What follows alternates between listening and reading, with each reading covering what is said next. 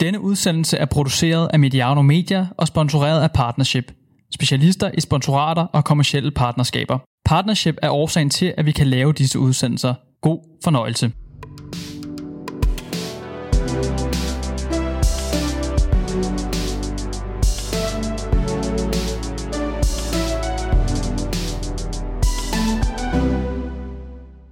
Det er Derby UFC København mod Brøndby IF. Det er post-corona. Tilskuere fra begge hold på stadion. Det er næsten fodbold som i de gode gamle dage. Men det er også nye tider med nye rekorder og nye udviklinger. Det skal vi kigge på i dag.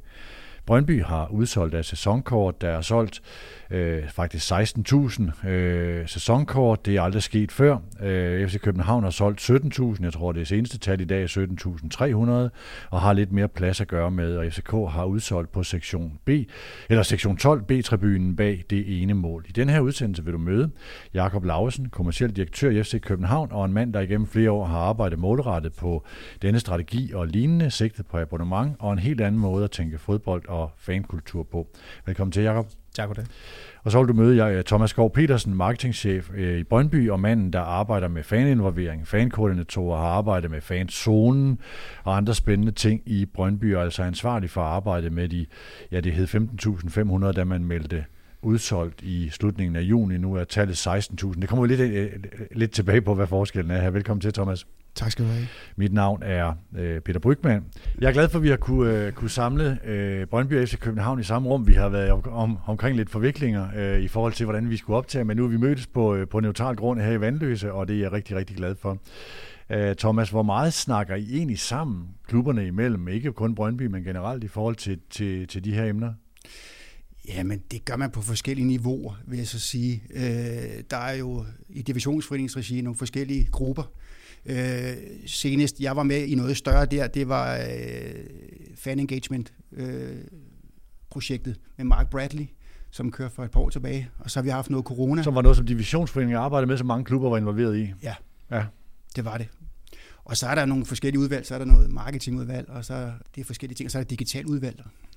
Jakob, en af vores øh, lyttere, Bjarne Bøjsen, han spørger, om der er erfa-grupper i Superligaen. Kan man kalde det sådan? Ja, jeg, vil, jeg vil nok ikke kalde det lige så, så stru- struktureret, men, men, men der, er, der er masser af dialoger, som også Thomas siger, og, og jeg vil sige, særdeleshed de sidste par år omkring det, det digitale, der tror jeg, at, at alle er blevet alle er blevet klar over, at der er, altså, der er virkelig nogle, øh, nogle erfaringer at hente, og også nogle penge at spare ved at gøre det øh, en gang lidt større, i stedet for at gøre det øh, gange 12. Der er sådan, altså, det, når jeg laver de her ting i Mediano Marketing, så fornemmer jeg, at I taler meget sammen på alle niveauer, både omkring måden, man laver partnerskaber på. Nogle af jer taler sågar sammen, når man kan lave noget sammen med en, en virksomhed, og sådan noget, der, der, bliver, der bliver arbejdet meget sammen, og der er sådan en vidensdeling. Det synes jeg er fantastisk, frem for at sidde der med kortene helt tæt på kroppen, og så tjener vi en krone mere end de andre måske, men den, at det handler vel om at gøre, større, altså gøre, gøre kagen større. Ja, du, du kan sige, summen, øh, se- set fra vores stol, så, så er en, en, en, en stærk liga er også godt for os. Øh, I hvert fald en stærk kommersiel. Det er attraktive, attraktive øh, oplevelser, både i, både i parken og på andre stadioner med andre klubber, gør ikke noget, gør ikke noget dårligt for os. Så vi vil selvfølgelig gerne slå dem på banen. Og det er også det her med tilskuertal, det handler også om rammer øh, og så videre, det, og det kommer vi i høj grad ind på. Og det er faktisk meget godt i tråd med he, hele ideen omkring det her mediano marketing, øh, som er en slags vidensdeling, eller kiggende på best practice og lære de andre at blive inspireret. Partner på den her serie om mediano marketing er Partnership, som er specialister i sponsorater og kommercielle samarbejder. Inden vi går ombord, kan du lige høre lidt om Partnership her.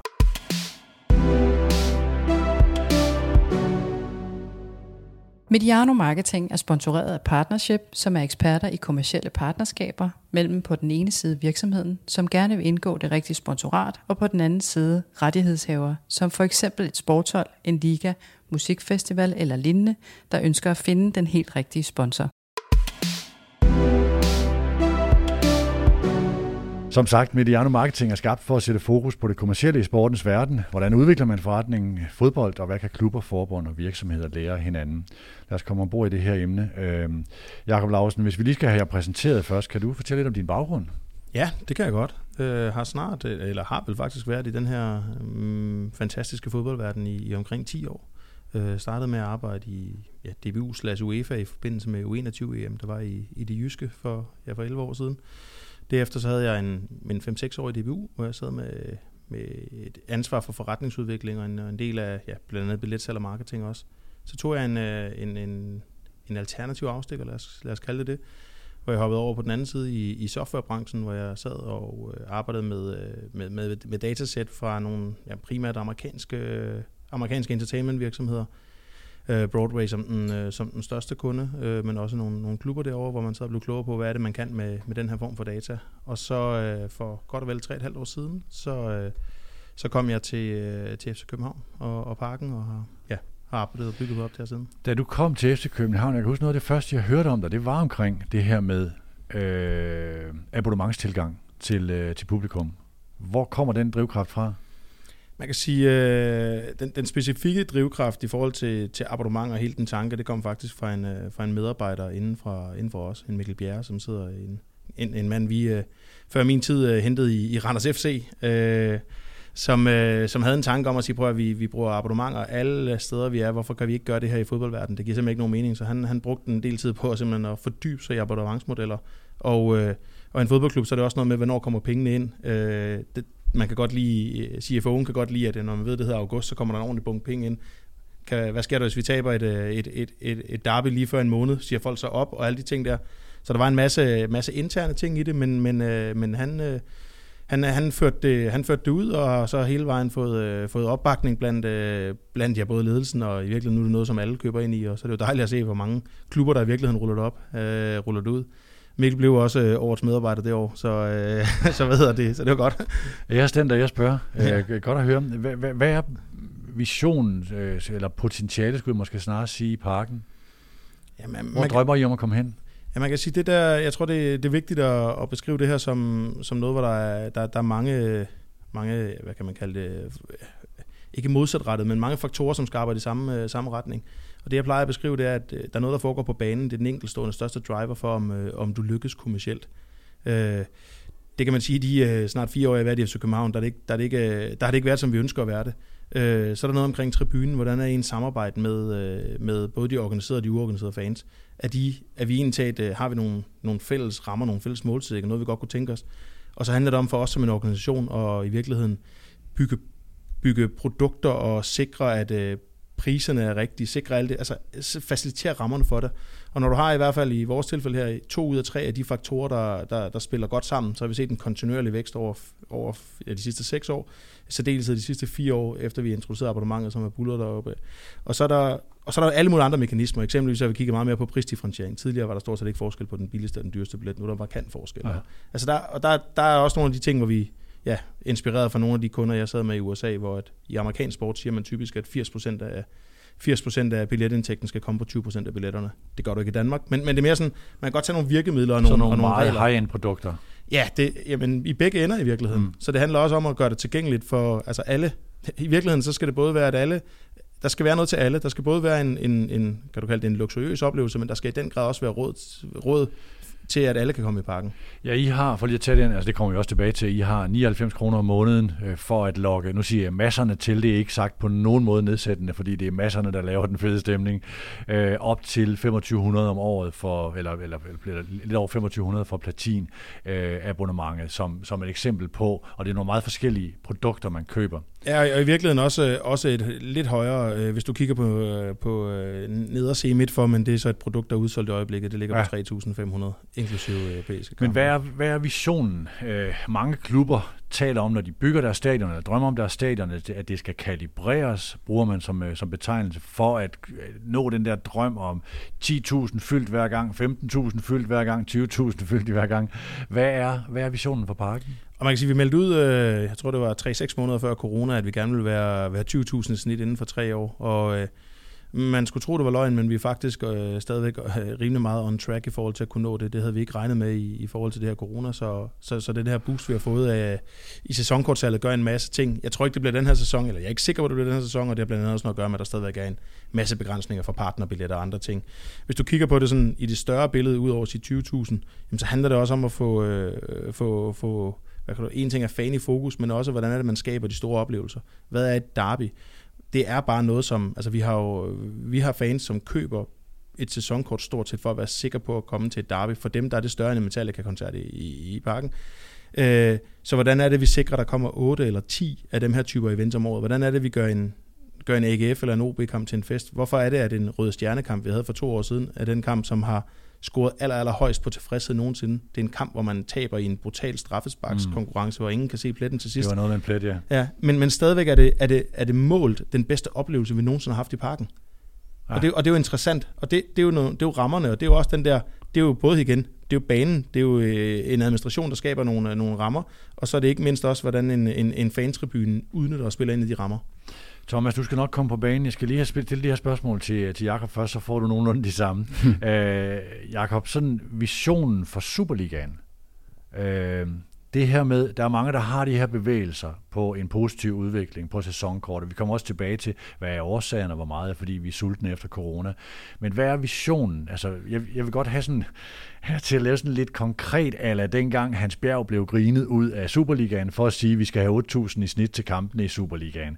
Alle kampe lå kl. 15, og det var tilbage i 90'erne Superligaens fødsel, og det, man startede ned omkring 2-3.000. Ikke? Man nåede faktisk de 8.000. Hvad er, hvad er, som du ser det, Jacob, visionen for Superligaen her? Altså først med Roster for at stille et spørgsmål, hvor sidste gang det blev stillet, blev han grinet ud. Så det er jo, øh, så det er jo, det er jo godt. Men, men, men det, det, er svært at, jeg vil sige, det er svært at komme med et tal for hele Superligaen. Det har også meget at gøre med, hvad er det for nogle hold deroppe. En, en Esbjerg er mere attraktiv end, end en, end en Horsens måske, mm. eller, eller andre ting. Det man kan sige, jeg tror, der er, det er, at vi, jeg, jeg vil gerne ind i, at når vi, at, at vi har en, en, en lad os sige en 5-6 hold, som når de møder hinanden, så har du den der, du vil ikke få et derby-stemning, men du vil få en stemning af, at det her det er noget specielt for Superligaen. Vi skal ud i, at en, en Aalborg, en OB, en, en AGF, en Rønby, alle europæiske kampe, det skal, være, det, skal være, det skal være noget særligt, det skal være en oplevelse, der er unik, det skal være en oplevelse, hvor man står og tænker, okay, det her, det, det her det kan noget på, altså det her det er en af de helt store oplevelser, jeg får i løbet af et år, sammenlignet med alt andet. Øh, så det er ikke et tal, det er lige så meget også om, hvordan går folk glade hjem, fordi det er ikke nødvendigvis et udtryk for, om der er mange, om folk går glade hjem. Men du har ikke sådan et billede af, at jamen, hvis vi kunne få AGF med på at trække den her udvikling, hvis Midtjylland kunne ramme det, de har meldt ud i deres vision i forhold til x antal magiske dage på en sæson, så kommer vi derhen, hvor det bliver et, et forjættet land, som man alle sammen gerne vil ind i. Vi, vi har i hvert fald det, altså det er svært for mig at sige det. Jeg, jeg kender faktisk ikke gennemsnittet i, i Superligaen, øh, så, så, så jeg vil ikke kunne sætte et tal på. Men, men, jeg tror, men, det har igennem nogle år ligget mellem 6 og 7-8.000 i det der snit, hvis du tager per kamp øh, og ja. øh, tager, det, tager det hen på det, ikke? Altså nu så snakker vi før corona. Ja. Øh, jeg vil sige, øh, et, et, et tal får du ikke ud af mig, der, der er typen, der lige skal regne, regne det efter, men, men, men hvad hedder det? Der er du stærkere, Jacob. Det. Ja, ja, præcis. men øh, men det, er, det handler om dem der. Det handler om at få en, og en stabil top 6 betyder ikke, at det er de samme hold, der skal være i top 6 hver gang, men det betyder, at vi får dem der 10-12 Superliga-kampe i parken om året, hvor det simpelthen bare er noget, en event i byen, hvor du skal være her. En, en event, hvor, at, øh, hvor at man kan se, der er, at, at, at man kan mærke, at der er fodbold på Østerbro. Sådan vil jeg, sådan vil jeg, vil jeg hellere beskrive det. Og det, det er også noget med at fylde et byrum. Og, og der kan vi bare se, der i, i, vores, øh, i vores regi, der skal du et, der skal du et lidt, lille stykke over 20, du skal op på tæt på de 25-30 stykker, så er du begynder at få hele den der fornemmelse, hvor det, hvor det begynder at syde og boble. Mm. Og så lidt samme runde med dig, Thomas. Din baggrund først. Ja. Så lytterne lige lærer dig at kende. I har begge to været med i Mediano-udsendelser før, men bare lige for dem, der er dumpet ind i den her. Ja, men øh, jeg har en baggrund oprindeligt helt fra marketing siden. Øh, først i, i, øh, på bryggeri, øh, Royal Unibrew, det hed Bryggerigruppen dengang, og så øh, var jeg forbi øh, Gillette og Nike, som de store brands der, og fik lidt mere derfra. Og så gik jeg ind i reklamebranchen øh, med den kreative del, med den kreative side af mig. Øh, fik lov til at, at udfolde sig lidt der. Der var jeg en del år. Øh, der var jeg i 12 år, inden jeg fik mulighed for at komme til Brøndby. Og det kunne jeg ikke sige nej til. Og det gjorde du hvornår? Det gjorde jeg i 1. januar 2014. Ja, det var i tiden, hvor Aldo Petersen var kommet ind ja. i klubben. Og, ja. Øh, hvad er din tilgang til den her del af forretningen med publikum? Tilgang, hvad tænker du på? Altså sådan, hvordan, altså nu beskriver jeg Jakob som, han blev nysgerrig på det her abonnementsmæssige i forhold til forretningen, og så fokuserer på oplevelsen og hele den der industri, som også påvirker af det amerikanske ja. øh, fra, fra, hvad skal man sige, underholdningsindustrien. Hvad er din tilgang til hele det her fan-engagement ja. og fanoplevelser, og, øh, og også abonnement, som vi kommer til at tale meget om i dag? Jamen, det har været at skabe nogle rammer, der faciliterer fankultur. Både fysisk og digitalt. Øh, det er sådan den korte version af det. Øh, det er klart, den fysiske del, det var meget omkring det her med øh, stadionoplevelsen og, og, og fanzonen, der kom ud af det, og familieloungen og det segment. Og så også den digitale del, hvor vi er jo på en rejse nu, øh, som Jacob også sagde før, det er jo ekstremt vigtigt, øh, hvor vi skal være innovative øh, på mange fronter. Så det er den tilgang, som er meget det, vi er drevet af derude, og også organiserer os omkring. Ja. Hvad er øh, visionen for, øh, for Brøndby øh, på det her område? Jamen den er, at vi vil jo gerne have en organisk vækst. Altså forstået på den måde, at, at det her med, at vi kan se, at fællesskabet vokser. Det er jo meget den værdi, vi er styret efter. At der er store fællesskaber, så er der også mange små fællesskaber. Og de skal vokse, for det er den måde, vi også vækster på. Det er den måde, vi får flere fans på. Og der er jo mange kriterier bag det. Hvorfor mødes man på stadion? Øh, Jakob har sagt, det er klart, det sportslige er jo øh, et, en nøglefaktor. Du kan så sige, at det er også noget med en strategi for, hvordan er det på banen med, mellem spillere og publikum, mere end det er, hvor mange sejre du får. Men er der en energien mm. øh, og samspillet, og det er også en del af fællesskabet i Brøndby. Det er jo fansene imellem, men også mellem fans og spillerne rigtig, rigtig meget. Øh, men, men, men det er sådan, hvor vi arbejder meget for den forståelse. Men er der en, en vision, der hedder, at vores stadion er øh, dimensioneret til øh, de her øh, midt-20'erne, slut-20'erne, nu kan jeg huske, hvad det præcise tal er? Ja, det er, altså 25 er, er makskapaciteten, ja. når man tager bufferzoner og nogle ting med. Du kan nok godt presse den op på 26, men vi kalkulerer ja. med maks 25.000, for eksempel hvis vi skal have en landskamp eller en pokalfinale. Og så er det det europæiske, som gør, at for jeres begge vedkommende tallene bliver anderledes, fordi alle skal være siddende ja, og øh, de, øh, de her ting. Men er der en vision, sådan der hedder, nu I havde en gammel rekord, der hed 12.000 ja. sæsonkort, som er fra 2018, ja. øh, fra den her Sorniger-sæson, øh, og den blev så slået med de her 15.500, der er udsolgt nu i på 16.300. Ja. Øh, og det, jeg skal lige sige, det her med, når man opererer med forskellige tal, så er det også noget med, at det europæiske er lidt anderledes. Så der er nogen, der er solgt til, øh, til det europæiske, hvor man har en forkøbsret. Men fordi begrænsningen på det europæiske er, som det er, så er det et lidt andet tal end, end øh, altså der findes også andre sæsonkort hos jer. Det, det er rigtigt.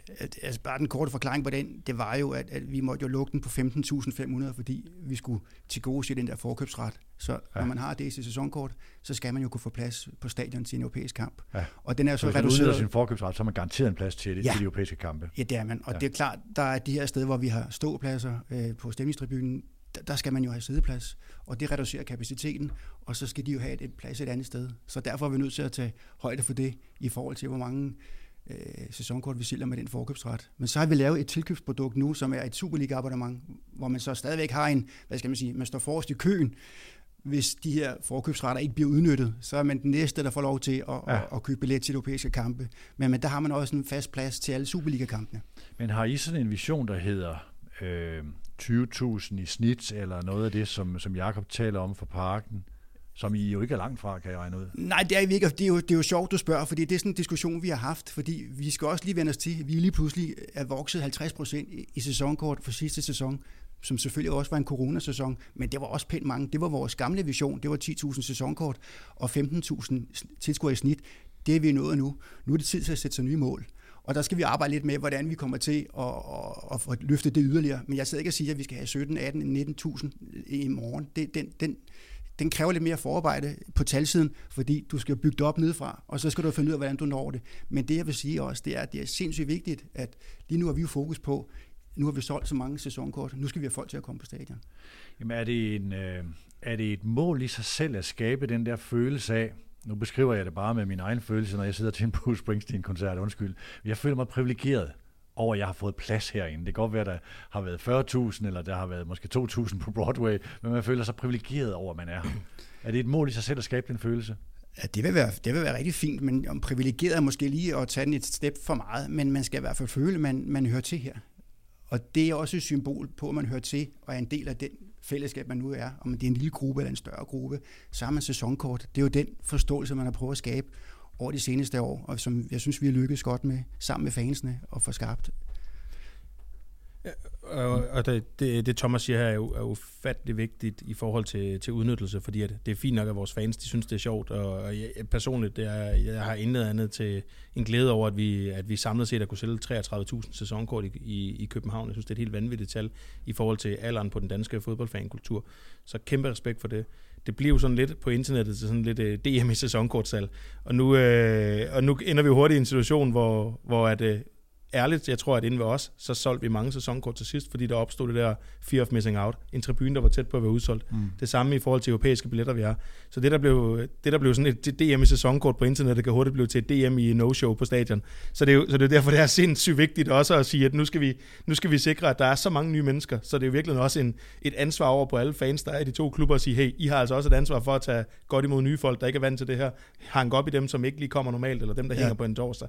Ja. Men, men det er jo interessant, fordi det er rigtigt nok, vi har jo arbejdet meget på i marketingdelen. Det handler om at få folk indenfor. Mm. Invitere dem indenfor, og så kan du arbejde lidt mere med det, når de er indenfor. Mm. Og det har også været relativt offentligt jo, i forhold til, hvordan er de to tal, fordi der er lagt en tæller på vores hjemmeside, mm. hvor man kunne se, hvor mange vi har solgt, og det er jo stimuleret mere. Jeg tror også, at FCK har set den tæller, og så synes de, den skal vi måske også lige hamle lidt op med. Og det er jo super fedt, at der også er en, sådan en, en, en fan-battle der på den måde. Men det er jo klart, vi vil jo også hellere i stedet for at sige, at vi bare har et tal, der hedder 18, 19, 20.000, så vil vi jo gerne have, at vi har måske et lavere tal til at starte med, men at de så kommer hyppigt, fordi de er en fast del af, af stadion. Tonen i den her udsendelse skulle også gerne være, at det ikke er, det ikke er sådan en armlægning, og vi har lidt flere end jer, og øh, det er mere den her videnstilling. Jeg kan godt lide den der tone, som jeg tror, det var en FC Nordsjælland-fan, der skrev på, øh, på de sociale medier. Det er fedt, vi nærmer os 30.000 til sammen, også tre klubber. bare, sådan, bare sådan tone ja. i forhold til, ja, til sæsonkort, ikke? og det var, det var på et tidspunkt, hvor I ikke havde noget af de her, de her vilde tal. Ja. Jeg synes også, det er interessant, at så kan man sige, at Brøndby, øh, ja, det er et mesterskab, der er noget af det, men så har man FC København, der også lavet den her udvikling, som er, hvor man ikke er så tæt på mesterskabet, som man, som man plejer. Ikke? Så jo. det er jo sådan, det, det er også det, der gør det her øh, lærerigt, tror jeg, for, for, eller forhåbentlig for dem, der lytter, at jamen, det er jo det der grundlæggende arbejde, som ikke er helt uafhængig af de sportslige resultater, men som er, kan man lave den gode oplevelse, kan man lave den, den her, øh, det her gode arbejde, så vil man også gå fremad på det her. Der kommer en masse tekniske afklaringsspørgsmål, og jeg ved fra lytterne, at der, er også nogle spørgsmål om, hvad tæller med opgørelsesmetode. Alt det kommer vi ned i. Men lad os prøve, lad os, lad os prøve at gå ned i de her fælles øh, ting omkring det. Hvor meget af det, det her gode salg er corona, og at vi er sultne efter oplevelser? Har I et bud på det? Ja, altså for min del ude i Brøndby, der kan vi jo se, at at, at der er ingen tvivl om, at hele den her med, at vi savner at være sammen, øh, er jo blevet styrket, og hele fællesskabsfølelsen, den, den, den fik jo også, hvad skal man sige, den fik jo et ekstra øh, understregning med hele den der aldrig alene ting, fordi det var jo også et, et bevis på, at, at vi er der, og vi savner det her, og vi glæder os til, at det kan lade sig gøre at være sammen igen. Øh, stemning på stadion er jo en kæmpe del af det, og det er med at mødes, så det kan vi jo mærke. Øh, det, jeg tror, det, det, er jo en, det, er jo en, det, er en, det er jo en fast ting, fordi folk har også mærket, hvad de har savnet i den periode. Men det er bare sådan en kortsigtet oplevelsesøkonomisk betragtning, at nu skal vi lave nogle ting, som folk har en fest en aften, men det skal vi også. Men det er jo bare gennemgående det her med, at de små grupper af en 10-12 mand, som plejer at mødes, som sidder oppe i svinget, de ikke kunne mødes. Nu kan de mødes igen, mm. og, og, og, og det ved de bare. Ja. Hvad tror du, Jacob, her? Altså, der, der er ingen tvivl om, at der er også noget omkring det her, og, og hvad hedder det, at kunne mødes igen. Og, det, og tilbage til hele det der med, at altså, der var også en eller anden sense of urgency, da, da billetsalget startede nogle steder, for man var ikke engang klar over, hvad, hvordan ser restriktionerne ud på den anden side. Nej. Så mange købte i starten, fordi det også det var under corona har været den bedste sandsynlighed for at komme på stadion, har været et, et, et abonnement eller et sæsonkort. Ja.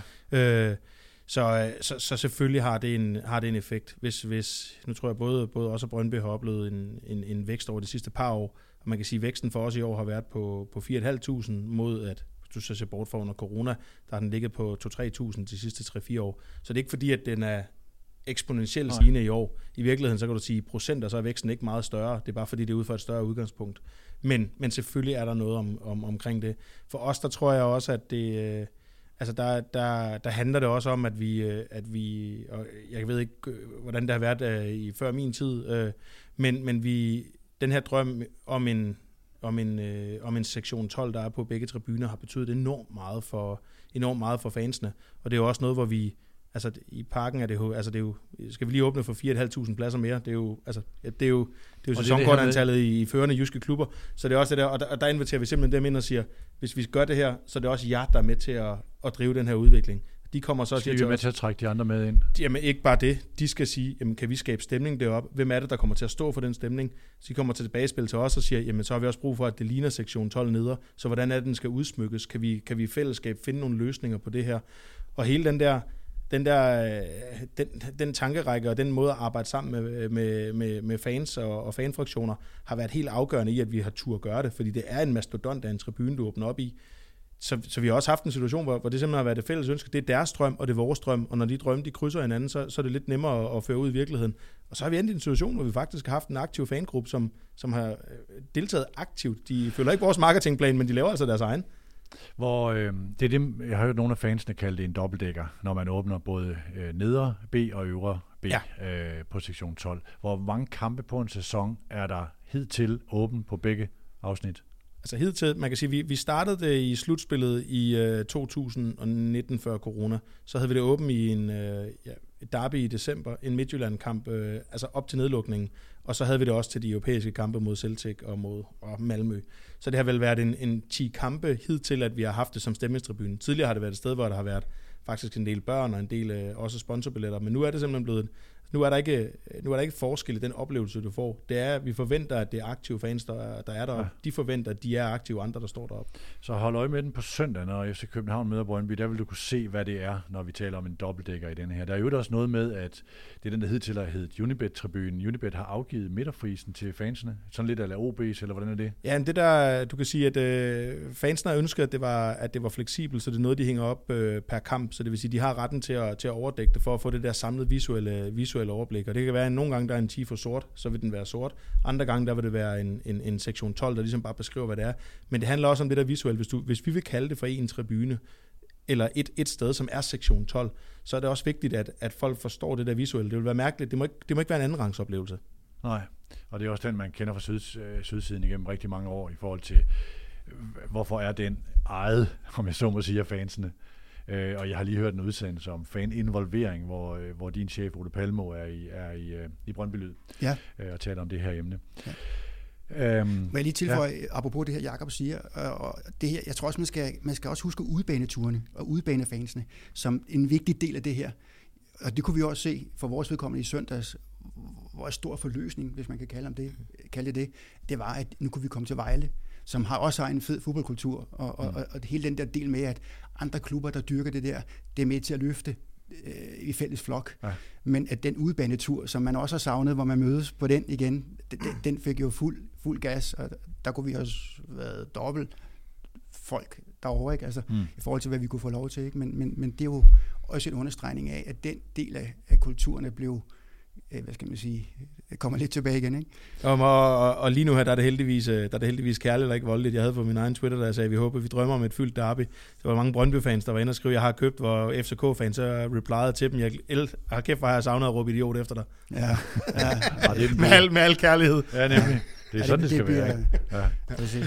Lad os lige prøve at få nogle tekniske ting afklaret omkring de her ting med opgørelsesmetoder og så videre. Øhm, der er jo i de her sæsonkort eller abonnementsløsninger, for det er i virkeligheden det samme, men det er også forskellige ting. Der er der ikke i nogen, når I taler om de her tal, der er der ikke sponsorbilletter øh, øh, eller noget af det her blandet ind i det. Vel? Nej, det er, det er ren, det er ren fan. Så der er nogle, når man laver sine, sine pakker og sælger til sponsorerne osv., der er der også nogle øremærkede billetter, som i virkeligheden gør, at det øremærkede billettal, hvis alle udnytter deres billetter, vil være højere. Hvad vil det tal være? Tør I sige det? Ja, det kan jeg godt sige. Altså inden ved os, der vil det være, et, øh, der vil det være vi er midt i en gentegningsperiode på partner, så, så det er klart, at der er, der er lidt lige nu, hvem er det, der, der kommer hjem, og hvem er det, der, der røver ud. Men i rundetal, så når vi starter et billetsalg inde ved os, så er du på, så er du på 22-23.000 billetter derude. Øh, det sagt til en Viborg-kamp i februar i snevær, der ved vi godt, at det aldrig er det tal, for der ja. er både noget med udnyttelse på, på sæsonkort abonnement, og det samme også på partnerbilletter. Men når vi starter til et, til et derby, så begynder vi at nærme os øh, ja, to, lad os så sige et sted mellem, øh, mellem 23 og 24-25.000 alt efter udebanefans. Fordi der udnytter ja. de fleste sponsorer også deres, øh, deres der, billetter. Der udnytter det også, ja. Hvordan ser det ud, ja, Thomas? Jamen, vi, øh, jeg lægger det sammen her, ikke? vi har øh, omkring 16.500 øh, sæsonkort nu, og så har vi jo omkring 1.800 i loungerne, som ja. er sponsorkortene, og så har vi jo nogle partnerbilletter, som er alle sponsorernes billetter derude, som er mm. omkring 2500. Mm. Så det lever op på omkring de 21. Okay. Ikke? Mm. Jeg skal lige sige til lytterne, jeg prøver at uh, dressere Thomas og Jakob til ikke at bruge hænderne, når de taler. Vi har nogle mikrofoner, som er ret følsomme over for, når man bruger hænderne i bordet. Øh, mere på jeres bord, tror jeg, end på mit her. Nå, men, øh, jeg tager hænderne i lommen. hvad hedder det? Øh, øh, det, det jeg godt vil hen, det er også i forhold til øh, tilskuertal. Det er tilskuertal, man ser opgivet. Når nu man øh, efter en kamp enten hører tal opgivet over stadion, eller læser det i, øh, i forskellige statistikker eller i avisen, øh, så har der hidtil, når jeg taler med jer klubber, været sådan lidt øffet over, jamen de gør det op på en anden måde, og vi gør det op på den måde, og de tæller det her med, og vi tæller ikke det her med, og så videre. Nu er der noget med fælles opgørelsesmetoder. Det kan jeg godt tænke mig lige at høre lidt om. Jamen, jeg har, jeg har siddet med i den gruppe, der har, der har siddet og, og kigget på det, og det, det kom så lidt af en, en, en diskussion på et Superliga-møde på et tidspunkt, hvor man diskuterede nogle licenskrav for eksempel, så der er jo, det er jo helt beskrevet, hvor ned i detaljer, hvad, hvad for noget man skal, mad man skal servere for udefans og andre ting, hvilket jo er glimrende, men det er ikke defineret om, hvordan man opgør et tilskuertal. Og så stillede, øh, stillede vi spørgsmål rundt om bordet, hvor mange tror på, øh, tror på alle tilskuertal, der har været op, oplyst i Superligaen de sidste to uger, og så var der nul klubber, der rakte hånden op. Det er jo, øh, det er jo selvfølgelig et, et skidt udgangspunkt for at have tillid til hinanden. Så det arbejde, som, øh, som blev sat i gang, blandt andet også med en, en ven af Mediano-huset, hedder Christian Götz, øh, var, at man fandt ud af, hvordan gjorde man de andre ligaer. Og ned fra Schweiz. Ned fra Schweiz, ja. ja. Mm. Så der var sådan en proces, hvor man, hvor man sagde, jamen, hvad for nogle standarder er logisk at blive enige om. Tilskuertal, selvfølgelig den, den første og fuldstændig klokkeklar, det skal man opgøre på samme måde. Så, øh, men også andre ting, det kan også være førstegangskøber eller andre ting. Hvem er det, der er gode til at konvertere førstegangskøber til nogen, der, der bliver her? Og tag eksemplet. Jeg vil hjertens gerne tage, tage turen til, øh, til Brøndby, Vejle eller, eller, eller AGF for at høre, hvordan de lykkes sindssygt godt med førstegangskøber. Men det skal jo bero på samme metodik. Hvis det er fordi, de opgør det anderledes, vil det jo være spild af tid. Så, øh, så nu her, der, øh, jeg tror faktisk, det er, jeg tror, det er, jeg forventer, at det, at det bliver implementeret i, øh, i løbet af efteråret her, når coronarestriktionerne forsvinder. Og jeg har også en opfattelse af, at, at langt de fleste klubber har, har en interesse i, at, øh, at, det her bliver, at det her bliver rullet ud, fordi at det også bare giver en troværdighed mellem os. Øh, set fra FCK's side, der er det, en, der er det, der er det helt... Der er det, ja, vi er virkelig tilhængere af det, også bare for, for at fjerne den der ja, mistillid til hinanden, og en, og en tvivl om, om, om vi, hvor vi er. Og øh, jeg får nok ikke til at sige, hvem er det, der har talt det hele med. Nej, men, men det du kan sige, hvis jeg, hvis jeg må bare lige sige, det, er, det vil også være forkert, fordi der har jo ikke været en regel.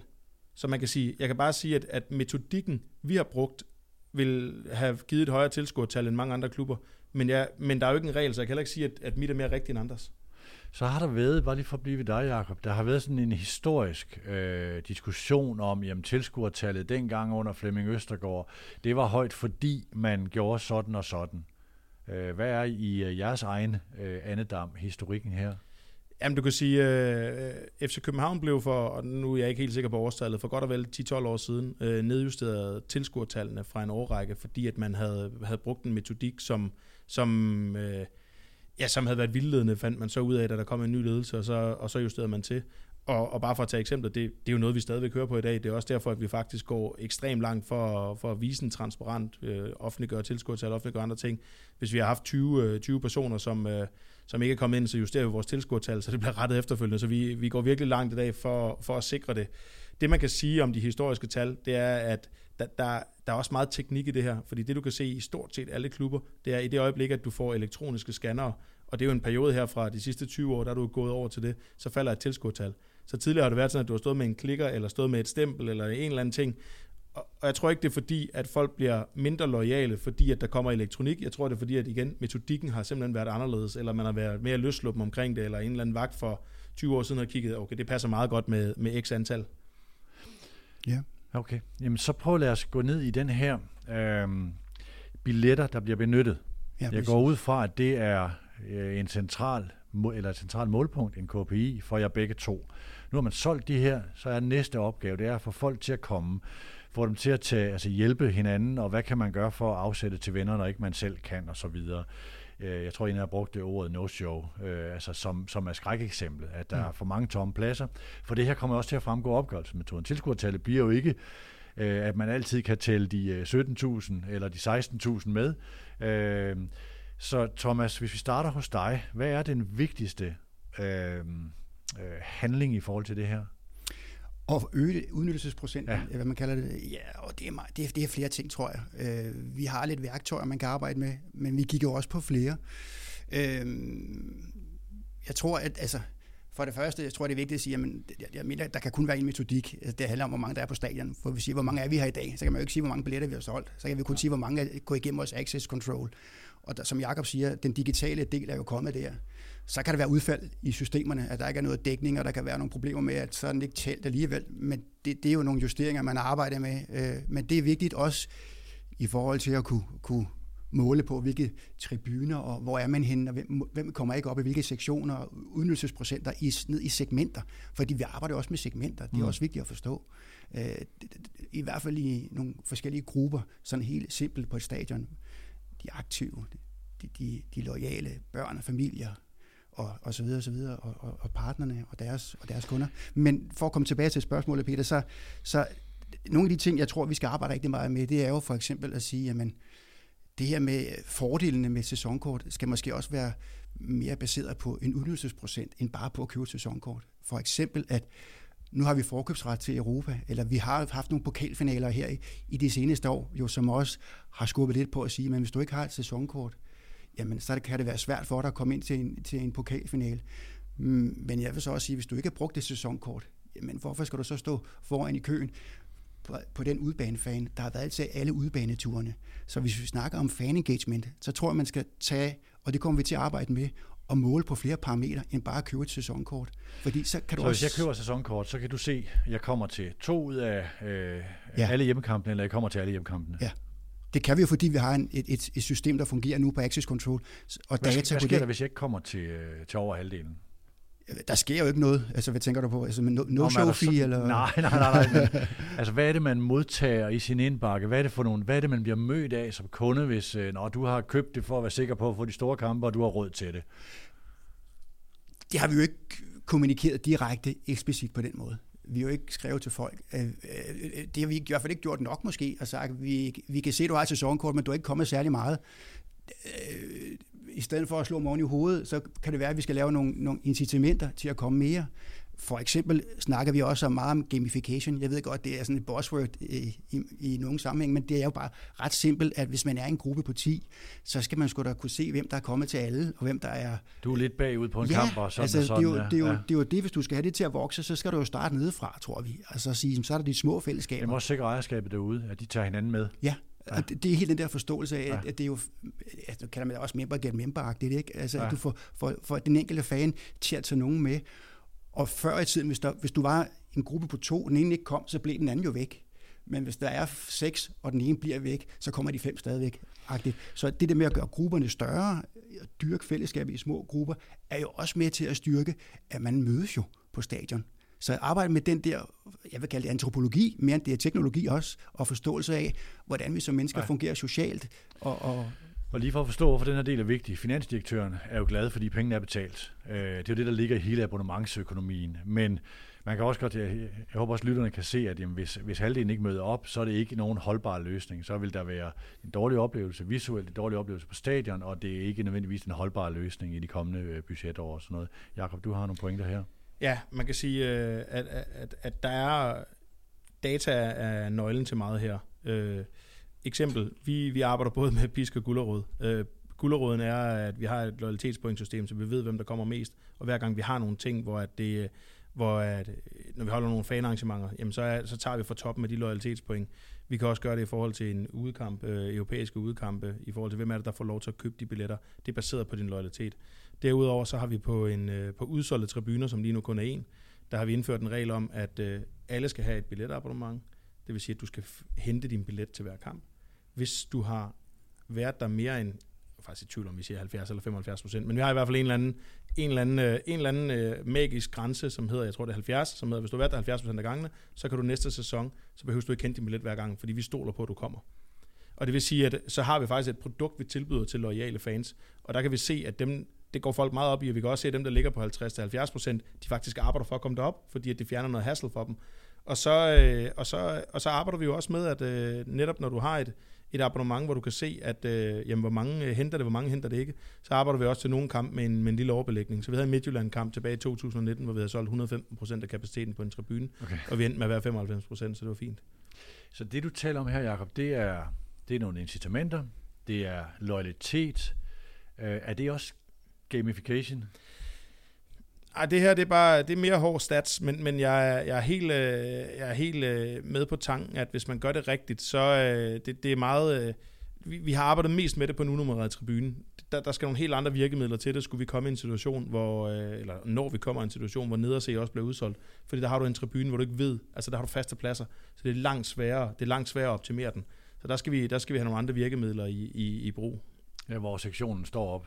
Hvor sektionen står op, og det vil sige, at når du, ikke, når, du ikke ved, hvor folk, når du ikke ved, hvor folk står, så er, det, så er det lidt nemmere at sluge 100 ekstra ind, hvis du ved, at der er 400, der ikke kommer. Ja. Øhm, vil, er der nogen af jer, der vil sige, hvad jeres KPI'er er præcis på det her? Fordi jeg går ud fra, at det her også handler om at nedbringe frafaldet, det man kalder churn i det her sprog, øh, som er en vigtig, vigtig dimension økonomisk set. Hvordan nedbringer man churn fra sæson til sæson? Jeg, jeg vil sige, at øh, inden ved os har vi ikke kunne finde dokumentation på, at der, er, at der er en væsentlig sammenhæng i, om folk kommer meget, og om de opsiger deres abonnement. Okay. Så det er mere sådan, jeg tror, der er nogen, der har, en, der er nogen, der har produktet for, for convenience. Det handler om, om 3-4 kampe om året, måske 5-6, men et antal kampe og nogle forkøbsret, øh, som er, er, er meget glad for at betale den pris for at skulle undgå et eller andet bøvl med ikke at komme på en tribune, du ønsker. Så hvad hedder det? øh, Så det handler mere om, at det handler mere om det, altså et, vi vil gerne gå op med retten til et tomt sæde. Altså, den er ikke til salg. Nej.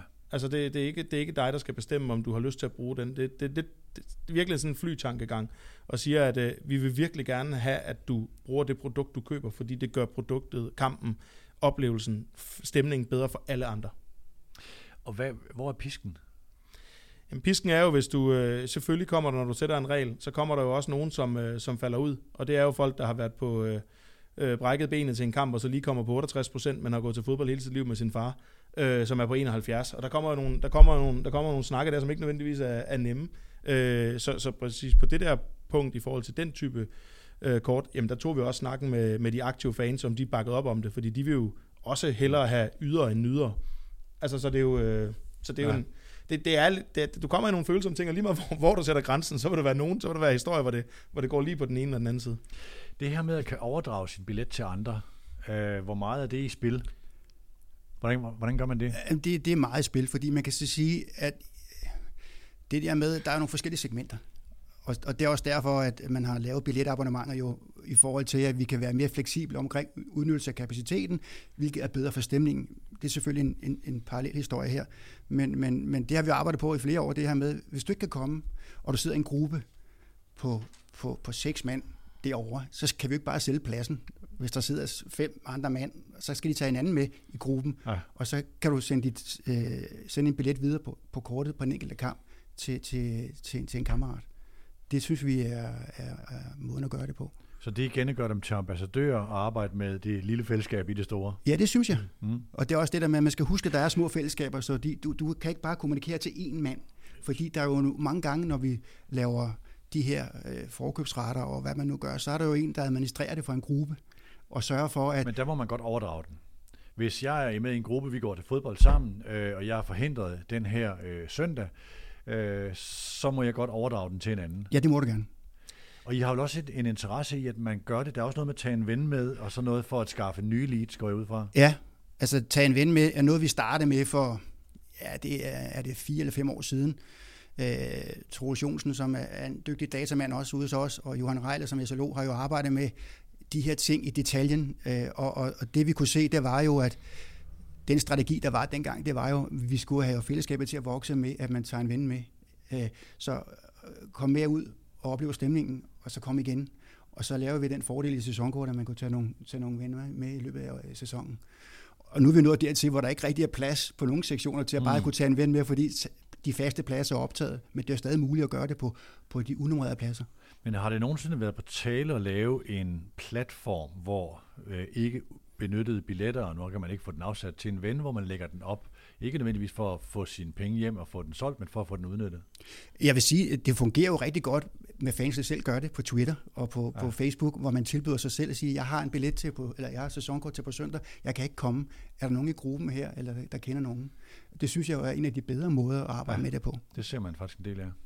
Man skal også, øh, hvis jeg lige må supplere det, så skal man også øh, lære det af, af, af, hvordan man gør i, øh, i for eksempel i, i USA. Der ved jeg også godt, at der må, der, der, lad os bare kalde det lidt mere, lidt mere lempelige regler for, hvordan du må videresælge billetter. Mm. Øh, men, men der er jo mange sportsgrene, hvor det i virkeligheden nu er sæsonkortholderne, der sætter prisen.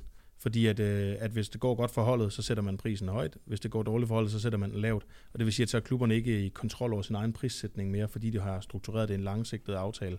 Så man skal i hvert fald lige passe på, på de faldgrupper, der er i det også. Øh, I hvert fald, når du snakker et ikke udsolgt stadion. Så, så, så der, kan, der kan, ærligt, der kan klubben jo også komme i nogle modstridende interesser. Vil vi hellere sælge en billet en gang til, hvor vi skal give tilbage, eller vil vi sælge en ny? Det, men, men, men for os er det også den der, man kan sige, at, at altså, tage en ven med er jo også en god måde at få, få folk til at prøve et produkt. Eller, uh, sorry, øh, give den ud, udleje den til, eller låne den til en ven, mm. hvor du så får nogle andre derinde. Det er en rigtig god måde at få folk til at prøve et produkt, og det er jo også noget af det, hvor vi, hvor vi skaffer folk, der ender med at blive sæsonkortholdere. Det kan man også måle på, at det er erfaringsmæssigt der, mange kommer ind. Man kan, det kan man, det gør vi. Vi har ikke gradueret nok data til det, men vi spørger om, hvor folk kommer fra. Ja. Altså, så, øh, så der ved vi noget derfra. Så prøv lige at gå over og kigge på øh, prissætning. Øh, det vi talte om indledningsvis øh, med især dig, Jacob, i forhold til øh, fra de 79 kroner til de flere tu, eller altså, det, er ikke, det er ikke fra, det, det er to forskellige tal, 79 mm. per måned, ja. til, de, til de flere tusind om året. Øh, den her med øh, så meget sektion 12 øh, på de 79 kroner, det er vel sådan en, en lav entrébarriere for at skabe det, der egentlig er fundamentet for oplevelsen. Ja, man kan sige, at vi, da vi valgte at holde fast til prisen på 79 kroner, der troede vi ikke, at vi ville komme i øh, pladsbeknep. Men uh, lad, os, uh, lad os sige, at det var det, det, var, det, ja, det, var, det, var, det, var, det, var en, det var en lykkelig omstændighed, at vi, at vi gjorde det med en, jeg tror, vi har haft en vækst på dem der par 60 procent eller 69 procent. Så hvad hedder det? Men, men ja, det er helt naturligt. Det, det skal henvende sig til, en, til folk, der ikke nødvendigvis har en økonomi til at smide hele beløbet. Og, og derudover så, så er det også noget, der henvender sig til, til folk, som... Altså, 79 kroner er jo ikke 79 kroner. Det er jo så typisk også folk, der køber øh, europæiske kampe oveni, fordi at hvis du tager de helt dyre produkter, så ligger det ved siden af. Så det er mere sådan, hvad er summen af, hvad er summen af økonomien på at, få, på at få en ind til det? Men det er klart, prisen afspejler også, at du er en, for at være ærlig, du er en vigtig del af produktet. Du er en vigtig del af produktet, når vi øh, ikke vinder mod Silkeborg, så snakker folk lige så meget om stemningen, som de snakker om spillet på banen, når de går hjem. Og det er jo også, altså, den ærlige snak, det er, at det, det, øh, det skal du ikke ribes for at gøre. Og det tør man godt sige højt øh, i, i 2021. Vi har haft en masse udsendelser med fans, og vi har talt om det her med, jamen, er, er det ok med jer, at I er en del af produktet? Og de fleste siger, det ved vi godt. Det, det gør vi gerne. Altså man kan sige, øh, hvis det her øh, format hed fodboldromantikeren, kunne det godt være, at jeg havde valgt mit ord lidt anderledes, men nu er vi i et mediano marketingformat. Øh, så øh, jeg, jeg, for at være ærlig, fansen spørger jo også, også om, hvordan målte, stemningen efter kampen og de oplever også en stolthed, når vi laver en, en top 10 på stemningen mål på hele stadion. Og det er derfor, det, er, det betyder så meget for deres selvopfattelse, at den højst målte stemning også var en rød stjernekamp, hvor det ikke var holdet, der gjorde det. Ja, hvor man ikke vandt. Hvor man ikke vandt. Ja, ja interessant, ja. Øhm, Thomas, jeres, øh, jeres prisstruktur, øhm, hvordan er den sat? Og I, I må også gerne, vi kommer også ind på inspiration udefra. Altså, det, det kan både være andre idrætsgrene, det kan være fra, fra fodbold andre steder i Europa eller i verden. Ja, Øh, I forhold til prissætning er jeg nok nødt til at rulle bolden en lille smule tilbage, hvis det er okay. Øh, nu snakker vi meget om, om marketing. Vi arbejder meget med begrebet community marketing ude hos os, fordi det er sådan en forståelse af, at vi har jo det, vi kalder fællesskab, det ord. Det bliver lidt fortærsket, men det er jo det, vi arbejder med. Og man kan så sige, hvis det skal vokse, hvad er det, det vokser med?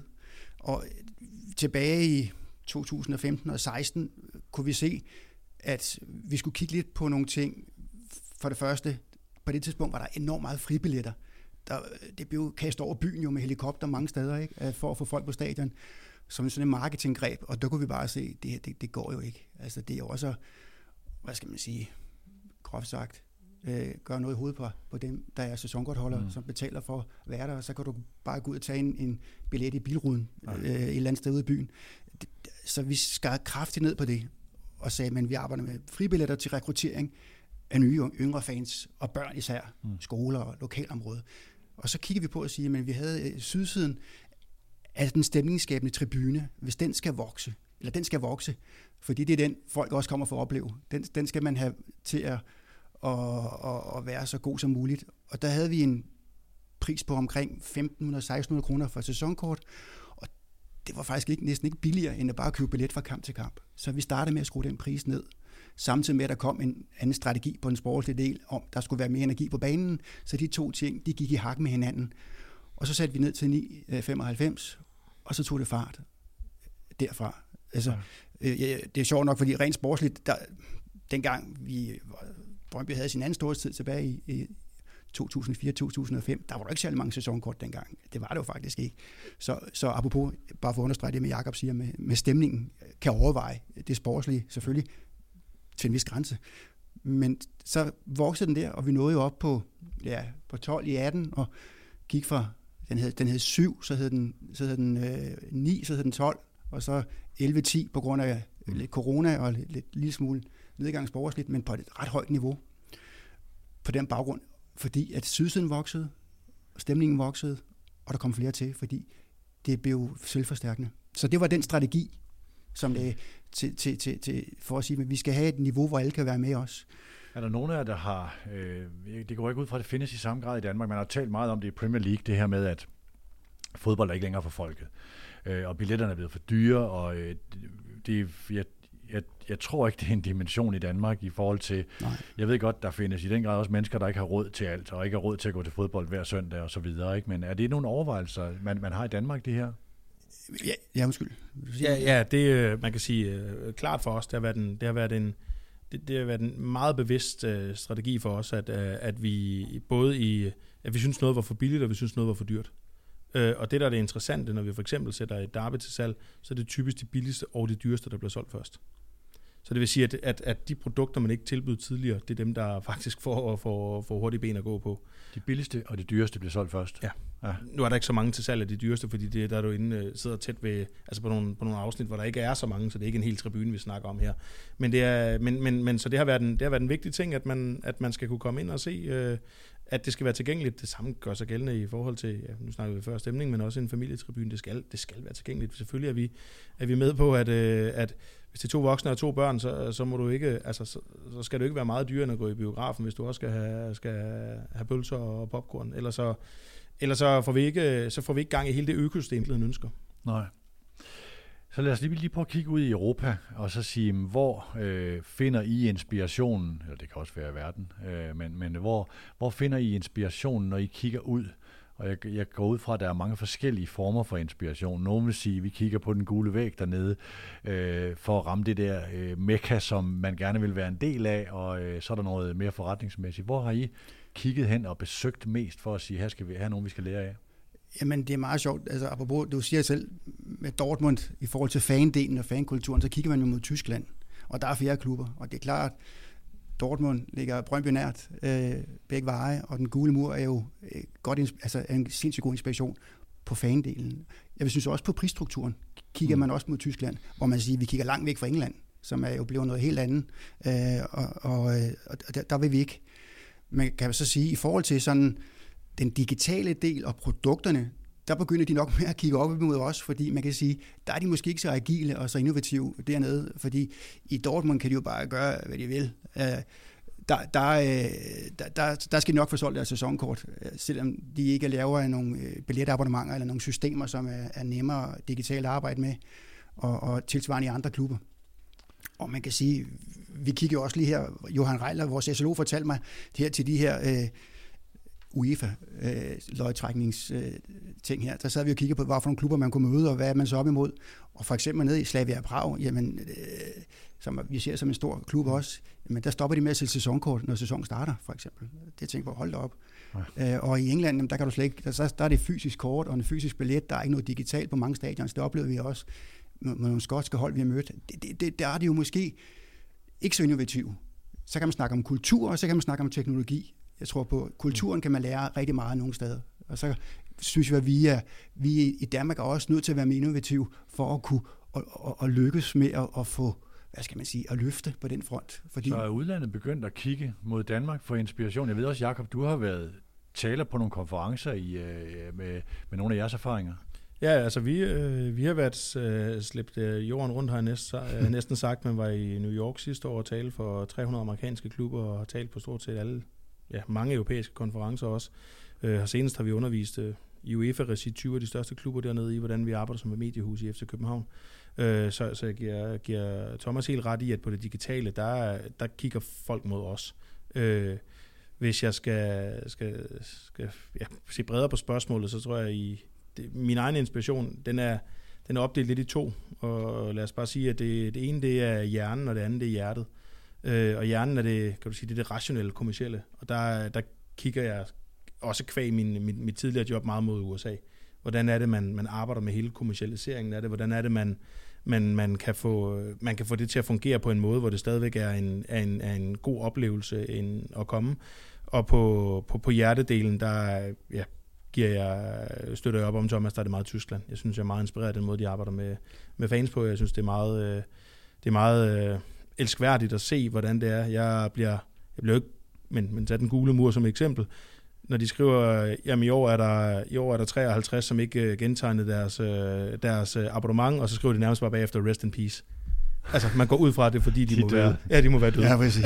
altså, det er jo, øh, at, at, komme dertil er jo, øh, er jo komme dertil er jo, det er jo fuldstændig, øh, det er fuldstændig men, unikt. Men, jeg, jeg, synes jo også, altså, de kigger også på os på andre måder. Jeg synes også på fankultur, og det her med at skabe faciliteter omkring, altså vores fanzone var jo en mm. showcase også i Europa for os øh, tilbage i 2018 og 19, da den kom op og viste, hvad man kan i forhold til sæsonkort også, og, og, og dyrke den del af det, øh, og investere i den del. Og det, det er der også andre, der har fulgt med, både i Danmark, men også i andre klubber. Malmø var herovre, det norske fodboldforbund, øh, Liga Warszawa til en konference der, og øh, franske klubber også, og portugisiske klubber kigger også på, hvad kan man gøre der for at, at bygge på det indsigt, der hedder det sociale element i en fodboldkamp, og ikke bare en sportslig oplevelse mm. og nogle sejre og nogle mål, men helt den der del rundt omkring fodbolden, som gør, at man skal på stadion øh, hver lørdag eller søndag. Så, så det er også bare for at sige, jamen, der, der kan vi også noget i Danmark. Ja. Øh, jeg vil faktisk godt derhen, og så, og så slutte udsendelsen af, sådan i forhold til, hvis nu I får, øh, nu siger vi, jeg ved ikke, hvorfor beløb man skal sige, 5 millioner kroner, øh, hvor er de så investeret bedst i forhold til at give de her oplevelser. Det kan være øh, fanzonen er en ting, det kan være toiletforhold, det kan være nu infrastruktur koster lidt mere end 5 millioner, hvis man skal bygge omfartsveje og sådan noget. Ja, en ny motorvejsafkørsel, det vil vi gerne have. 600 toiletter i bakken, jeg kan ikke lige regne mig frem til det. Nej, men sådan, altså... Hvad... Det var det dyreste ved fanzonen ude i Brøndby, det var toiletterne faktisk. Ja. Hvad er det Apropos. vigtigste at gøre noget ved, i forhold til at forbedre oplevelsen? Og, og vi ikke skal putte det i fodboldspillere? Jamen, jeg, jeg synes, det er svært at svare ensidigt på. Vi gjorde det, vi måtte jo prøve at følge os frem til, hvad er det også, vi skal, hvad er det, der er mest vigtigt? Er der nogle pains, som du skal have nedbragt i forhold til, nu siger du selv, hygiejneforhold og toiletter? Jamen, det var der. Jamen, så er det ikke kun én ting, men vi skulle også lave noget, der var federe i forhold til food and beverage oplevelsen, og derfor tog vi food trucks ind i en del af fanzonen. Men vi skulle også have et sted, hvor man kunne bare sidde og hygge sig og drikke en øl, fordi så skulle vi lave det. Så der var jo forskellige ting, vi kunne se i hele den der analyse, vi lavede af fanoplevelsen, at det skulle vi investere i, når muligheden bød sig. Øh, så gik det lige et par år, før vi kunne gøre det dengang. Øh, og hvad hedder det? Øh, vi, vi, man kan sige, vi, vi kigger ind i, i mange af de samme ting. Det er, altså hvis jeg, skal, hvis jeg skal sige det et ord, så jeg vil være ked af at bruge de, de 5 millioner på faldstammer, men det kan godt være, det er det, der, det, der trænger. Men, men, det er, men man kan sige, at sådan helt grundlæggende, så, så synes jeg, at øh, vi inde ved os øh, Øh, ikke på mange punkter leverer en oplevelse, der repræsenterer det bedste af København. Og vi er et bynært stadion i hovedstaden. Der skal vi simpelthen på visse punkter kunne, øh, kunne levere noget. Jeg er jaloux over en, øh, en, en fanzone i Brøndby. Vi, øh, vi er selv i gang med at lave, øh, lave vores projekt, som ligger ved godkendelse øh, ved kommunen i øjeblikket. Øh, men jeg, kan, jeg har ikke tal på, hvor mange gange Carlsberg har fortalt om, hvor, hvor fed den er derude øh, ved jer, øh, og hvor meget folk hygger sig. Så, så der er mange ting. Så har vi også et... Det, det er så ikke i forhold til, til, til det samlede tilskuertal, men, men vi vil også gerne have, øh, måske kan man sige, toppen af vores hospitality-faciliteter. Der har vi brug for noget, som, som virkelig, virkelig repræsenterer øh, København. Altså, vi, har, vi har en af verdens bedste restauranter på vores stadion, så hvordan er det, man kan, hvordan er det, man kan få noget til at, til at ske, som bliver fuldstændig unikt? Vi er i København. Ja, med Garnium. Ja. ja. Jeg synes også, det digitale begynder at få en, en kæmpe fokus. Det lyder nogle gange sådan lidt også bare som naturlighed, men det er jo nogle gange noget af det dyreste også at investere i systemer. Apropos, vi har ikke kunne lave et billetabonnement, fordi vi ikke havde et system, der kunne det, og det skulle vi udvikle. Og så kom der corona, så blev det sat i, i, i, i bero. Men den digitale fanzone, hvis man skal kalde det det, ikke fordi vi skal lave et nyt Facebook, det er ikke det, det handler om, men vi skal lave nogle, nogle systemer og noget, som gør det både nemmere for fansene at, at være en del af det, og gøre det som en del af den her øh, understøt, øh, hvad skal man sige, det her community-tankegang. Ja, med, på stadion også. Ja, også man ja. følger hinanden, og man kan se, apropos det der med, at man kan se, hvad de, hvor mange gange ens venner har været til kampene, hvis man skal have styrket øh, den her med udnyttelsesprocenten, så skal man jo kunne lave noget, hvor folk kan følge med øh, og investere lidt i de her systemer. Så det har vi meget fokus på, øh, og har også justeret op på den digitale afdeling med Troels Jonsen i spidsen, mm. som er både god på data og på, og på, og på, øh, og på, hvad hedder det, øhm, på udvikling på systemer. Jeg kunne forestille mig, noget af det svære her er, at fans er, altså 100 fans har 100 meget, ofte meget forskellige holdninger. Øh, at det her er noget, hvor en gerne vil have den amerikanske model, hvor der kommer en med drikkevarer og en, øh, en, en, øh, en pølse op på pladsen, og mm. andre vil gerne have toiletter, og andre vil, vil gerne kunne komme hurtigt væk fra stadion, når kampen er slut. Og, og, og bare tag, tag det eksempel, du beskriver der. Øh, ja, det er meget fint. Skal man lige lave en kile, hvor øh, på en ikke udsolgt tribune skal folk lige kunne gå ind med nogle, nogle pølser og en øl. Det, der så bare selvfølgelig sker på den tribune, det er, at ham, du har tænkt sig at flytte, han har tatoveret sit sædenummer på underarmen. Altså, så, så, står du, så står du med den ballade, ikke? Altså, så, så der er hele tiden, altså, der, hvor, der, hvor der er gode løsninger, er der også udfordringer, men de er jo til, ja, de er jo til at blive løst. Det er, det er den største opgave, det er at løse dilemmaer i den kommercielle ja. verden. Ja. Det må man sige. Men, men sådan er det jo, og det er jo også, øh, det, er jo også det, der gør det spændende, men det, det, er jo, det, er jo, det er jo svært at svare på, fordi det her med, hvor skal man investere mest, som du selv siger det, der, der er mange forskellige holdninger. Men jeg tror også bare, man skal anerkende, at der er mange forskellige segmenter. Man skal prøve at, ligesom at sige, der er noget, der hedder på stadion, så er der også noget, der hedder uden for stadion, og så er der folk rundt, i hvert fald i Brøndby, rigtig mange i Jylland også, hvor vi også gerne skal arbejde med dem, fordi du skal ikke bare kigge på stadion, du skal jo kigge på udebaneturene også, og hele den der kultur. Og der vil jeg også bare sige, der er vi også godt hjulpet af, at der er nogle klubber, der omfavner det, som gør noget ud af det uden at forklare andre, så er det jo fedt at få Vejle op, og det er fedt at få Viborg op, fordi de har også en forståelse for den der del, der hedder fankultur.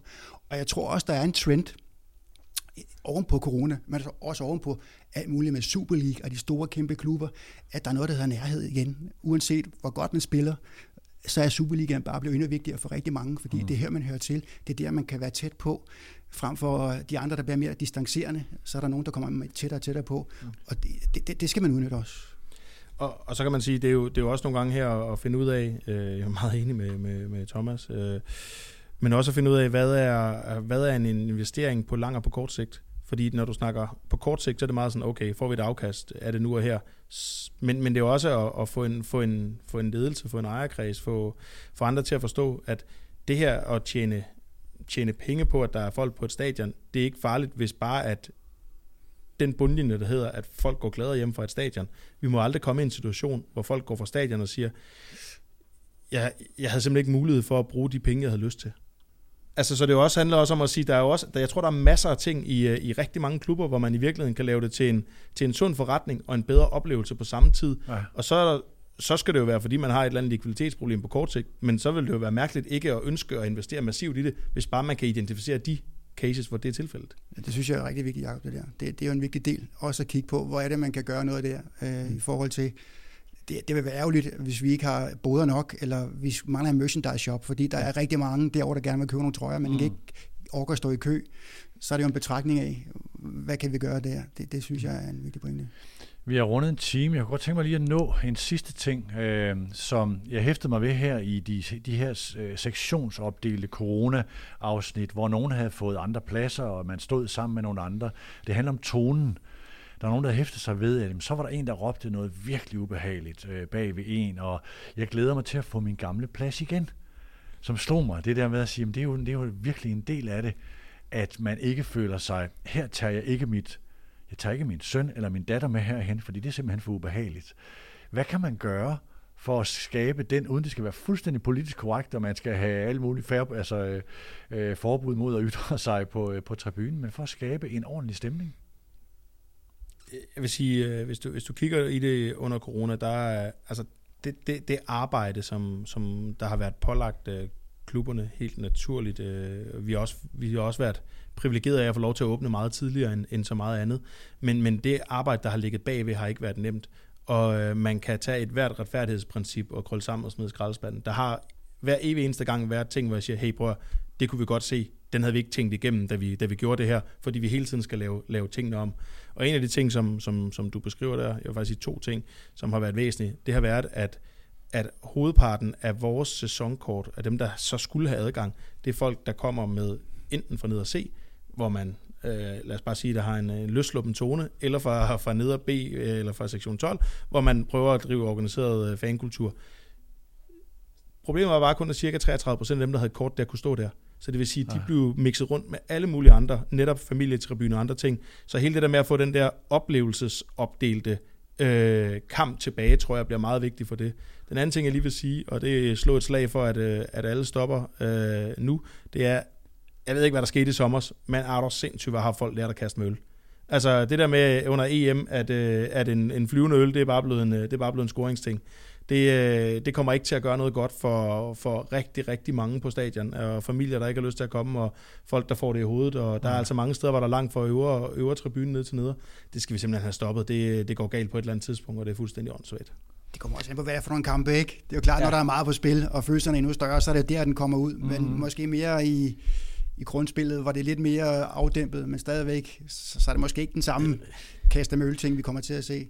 Men jeg synes også, det er interessant, det hele det her med, som du siger, undskyld, jeg ved, tiden er løbet ud, Peter, men, Nej, det fint, men, men, men det her med, med, med corona, det har jo bare været noget bøvl. Altså, det, vi har jo brugt tid på noget, vi ikke skulle bruge tid på. Nu kan vi bruge tid igen på det, vi skal bruge vores tid på, som vi er ansat til, fordi nu ser vi ind i noget, hvor vi kan arbejde med det, vi gerne vil arbejde med, frem for at skal lave alt muligt bøvlet logistik, hvor det har været sindssygt kompliceret for fans, også frustrerende, fordi der har været for mm. få pladser, og de skulle igennem alt muligt for at kunne trække en billet og øh, rykkes rundt. Jeg vil så sige, at det gjorde en ting godt, synes jeg. Vi oplevede, at med færre mennesker ude på Brøndby Stadion, som må flytte del rundt på stadion, der er Brøndby jo et godt stadion, fordi det bliver sådan en, en, en, en det kan godt blive en heksekedel, ikke? fordi du er tæt på banen hele vejen rundt.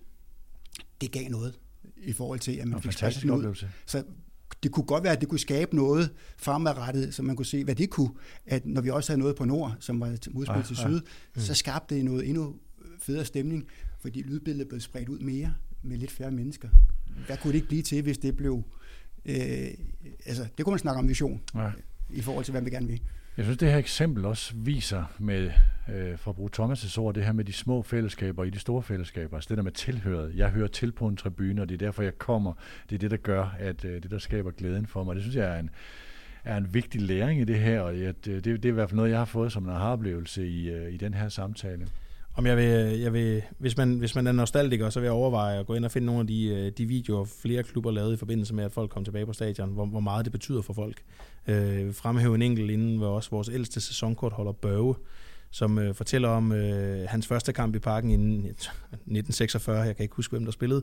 Men, øh, men, men til nu, hvor han også øh, hvor han, han kommer med det meget smukke og billedlige citat. Han, han er godt klar over, at, øh, at parken ikke ligger øh, liv til hans år, men år til hans liv. Fantastisk.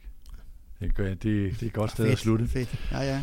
God anekdote. Øh, og øh, tusind tak for at have delt så meget med øh, os og, og lytterne, som I har, og øh, givet et indblik i, hvor komplekst det her egentlig er. Der er virkelig, virkelig mange hensyn at tage øh, for at kunne, kunne, kunne ramme altså alle segmenter, alle individer i segmenter og til gode se de her ting.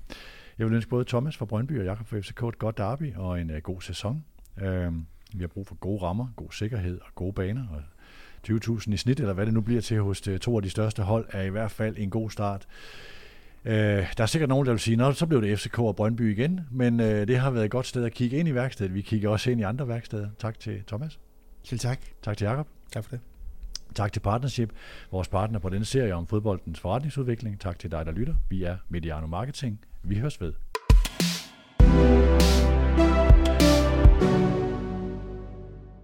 Denne udsendelse er produceret af Mediano Media og sponsoreret af Partnership, specialister i sponsorater og kommersielle partnerskaber. Partnership er årsagen til, at vi kan lave disse udsendelser.